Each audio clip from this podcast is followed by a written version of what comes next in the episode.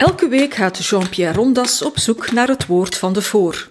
Hij analyseert het woordgebruik van journalisten, politici en opiniemakers, wikt en weegt hun woorden en ontmaskert bedrog. Beste luisteraar, ik wil het met u hebben over een toppunt van politieke taalvitterij, namelijk een spatie. Maar eerst drie nieuwtjes in de marge. Ik weet dat de zogenaamde staatsgreep van een paar verklede, maar verblinde mensen die het Capitool in Washington bestormden, al uw aandacht heeft opgezogen, zodat u misschien heel wat leuke nieuwtjes heeft gemist. Zo van die details die ons plots doen inzien wat onder onze verblinde ogen al lang bezig was. Zo was er om in de Verenigde Staten te blijven, die democratische afgevaardigde in het Amerikaanse congres, die als methodist het gebed bij de opening mocht uitspreken en die dit gebed niet zomaar met amen besloot, in het Engels amen, maar wel met amen en a woman, kwestie van niet alleen mannen te vermelden, maar ook vrouwen. Net zoals het Europese parlement had ook het Amerikaanse immers aangedrongen op inclusief en genderneutraal taalgebruik. Of ten tweede dat verhaal over het Schots Maritiem Museum, dat besliste om van nu af aan het woord ship, een schip dus, als een onzijdig woord te behandelen en er dus naar te verwijzen met it en niet meer door she. Want schepen hebben in het Engels altijd weerstand geboden aan de veronzijdiging van de woorden, tot vandaag de feministen er storm tegen lopen. En dan wordt dat Engelstalige ship beslist it, daar kan je donder op zeggen. Of, eentje voor onderweg, ook van vorig jaar, over die Engelse vrouw die online een transgendere vrouw een man had genoemd. Ze had haar dus misgendered en die daarvoor zeven uur in een politiecel heeft moeten doorbrengen. En dat doet u dan beslist weer denken aan de auteur van Harry Potter, J.K. Rowling, die het bestaan had om vrouwen biologisch en niet gegenderd te definiëren als menstruerende wezens, en die daarom, we zijn nu toch in het Engels bezig, in een shitstorm, een scheidstorm terechtkwam. Wat deze drie voorvalletjes kenmerkt, is dat ze telkens een belediging betekenen, niet voor de transgenders, maar voor het gezond verstand in het algemeen. Dit gezond verstand kan er niet bij dat die taalvitterij au serieus wordt genomen en dat ze praktische gevolgen heeft in het dagelijks leven tot gerechtelijke vervolging toe. Maar de politiek correcte activisten van hun kant, die dit er allemaal doorkrijgen bij media en universiteiten, zij doen dit ook zelf expres om dat gezonde mensenverstand uit te dagen en voor voldongen feiten te stellen. Het gaat om treitersymboliek. De kwestie is dus niet alleen of een ouderwets woord door een nieuwer en juister of minder kwetsend woord mag vervangen worden. Het gaat niet meer om de tredmolen van eufemisme alleen, die van de trotse neger en van de trotse negro een trotse zwarte heeft gemaakt, en van die zwarte een trotse kleurling, en van deze laatste een trotse Afro-Amerikaan. Gewoon omdat een vernieuwend woord na een tijd niet meer voldoet en omdat ook vervangingen al snel als beledigingen worden opgevat. Denk aan het lot van het goed bedoelde allochtoon. De politiek correcte taaltechnologie staat immers nooit stil. Ze houdt geen halt bij woorden alleen, ze breidt almaar uit, zodanig dat geen enkel taalelement nog zeker kan zijn voor zijn ontwrichting. De taaljacht dringt dieper het spreken en het schrijven binnen, tot in de voornaamwoorden, de voor- en achtervoegsels, tot in de leesbare, maar niet hoorbare spelling. In Frankrijk bijvoorbeeld is men al een tijd aan het fitten over die zogenaamd moeilijke accord du participe passé, waar men dat verleden deelwoord met e, dubbel e, es of es moet schrijven, afhankelijk van het hulpwerkwoord être of avoir en ook afhankelijk van de plaats van het leidend voorwerp. Dit wordt aangevochten niet omdat, en ik wik mijn woorden, niet omdat de taal in haar ontwikkeling het zo wil, maar omdat feministische activisten het zo willen. of in het Duits de innen, waar teksten ontsierd worden door de eindeloze herhaling van burger en burgerinnen met een hoofdletter i in het midden van dat woord. Of de nieuwe voornaamwoorden in het Engels. Je en je, je en je, allemaal omwille van genderneutraliteit en inclusiviteit, wat deze twee woorden ook mogen betekenen. Beste luisteraar, ik kom daar allemaal op omdat de Noord-Belgische krant De Standaard het oude jaar 2020 heeft afgesloten met een journalistiek verslag over haar eigen rijlen en zeilen in een aparte brochure van 56 bladzijden onder de titel Een kwestie van vertrouwen. Daarin zeggen de journalisten ook wat ze minder goed hebben gedaan en wat beter kan. Openhartig, maar iets wat hypocriet. Een van de stukjes daarin heet Transtaal, Transtaal, ondertekend door de chef eindredactie. Twee keer hetzelfde woord? Nee, nee.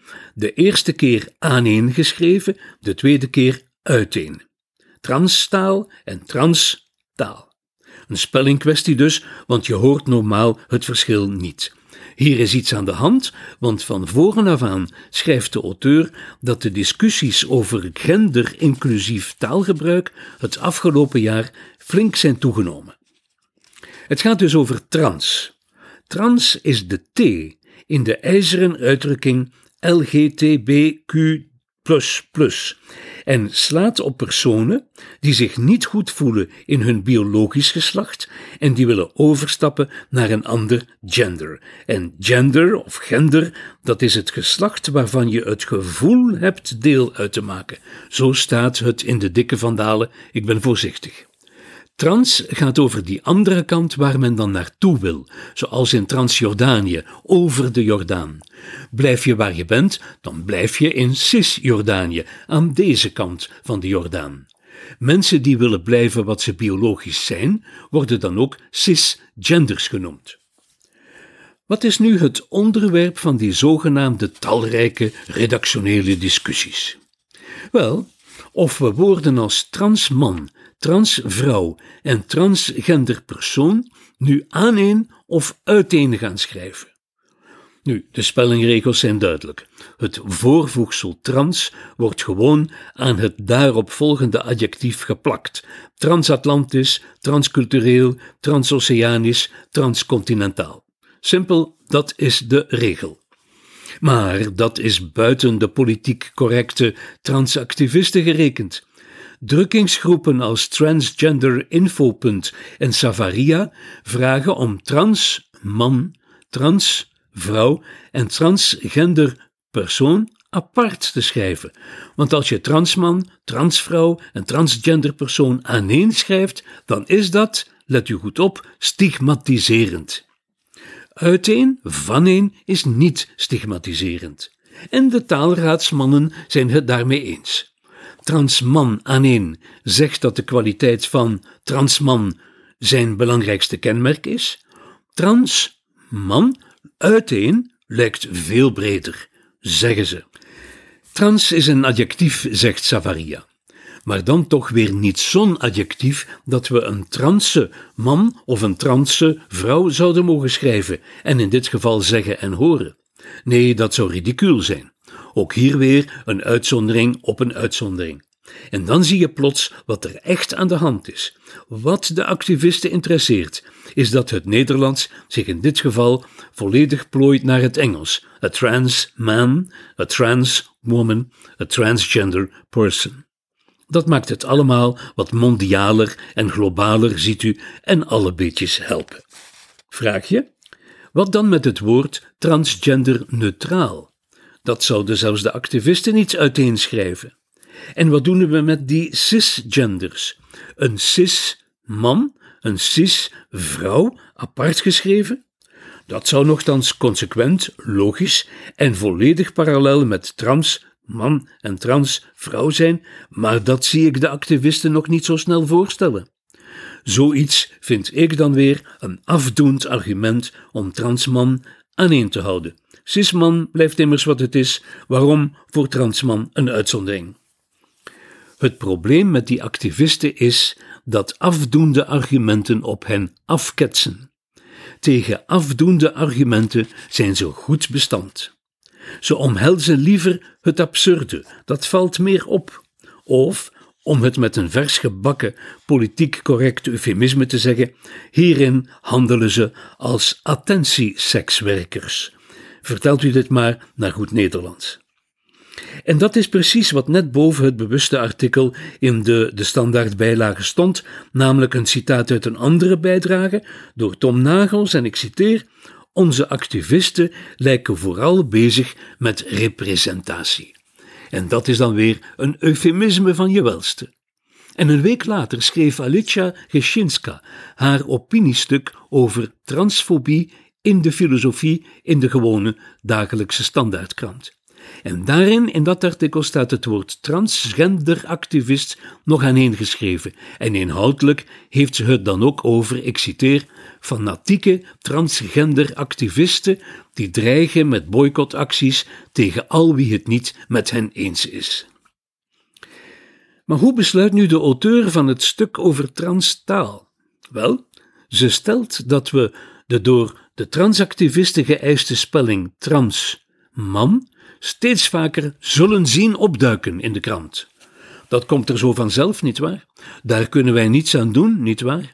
Het taalgebruik in de krant moet mee met de maatschappelijke ontwikkeling, nietwaar? Eigenlijk pleit ze dus voor het afschaffen van een serieuze eindredactie, maar dit geheel terzijde. Want de hele discussie over een spatie meer of minder toont perfect aan hoe ver het met de POCO taaltechnologie gekomen is. Dit was een episode van Doorbraak Radio, de podcast van doorbraak.be. Volg onze podcast op doorbraak.be/radio of via Apple Podcasts, Overcast of Spotify. Bezoek ook onze website op doorbraak.be en steun ons door een vriend te worden van Doorbraak.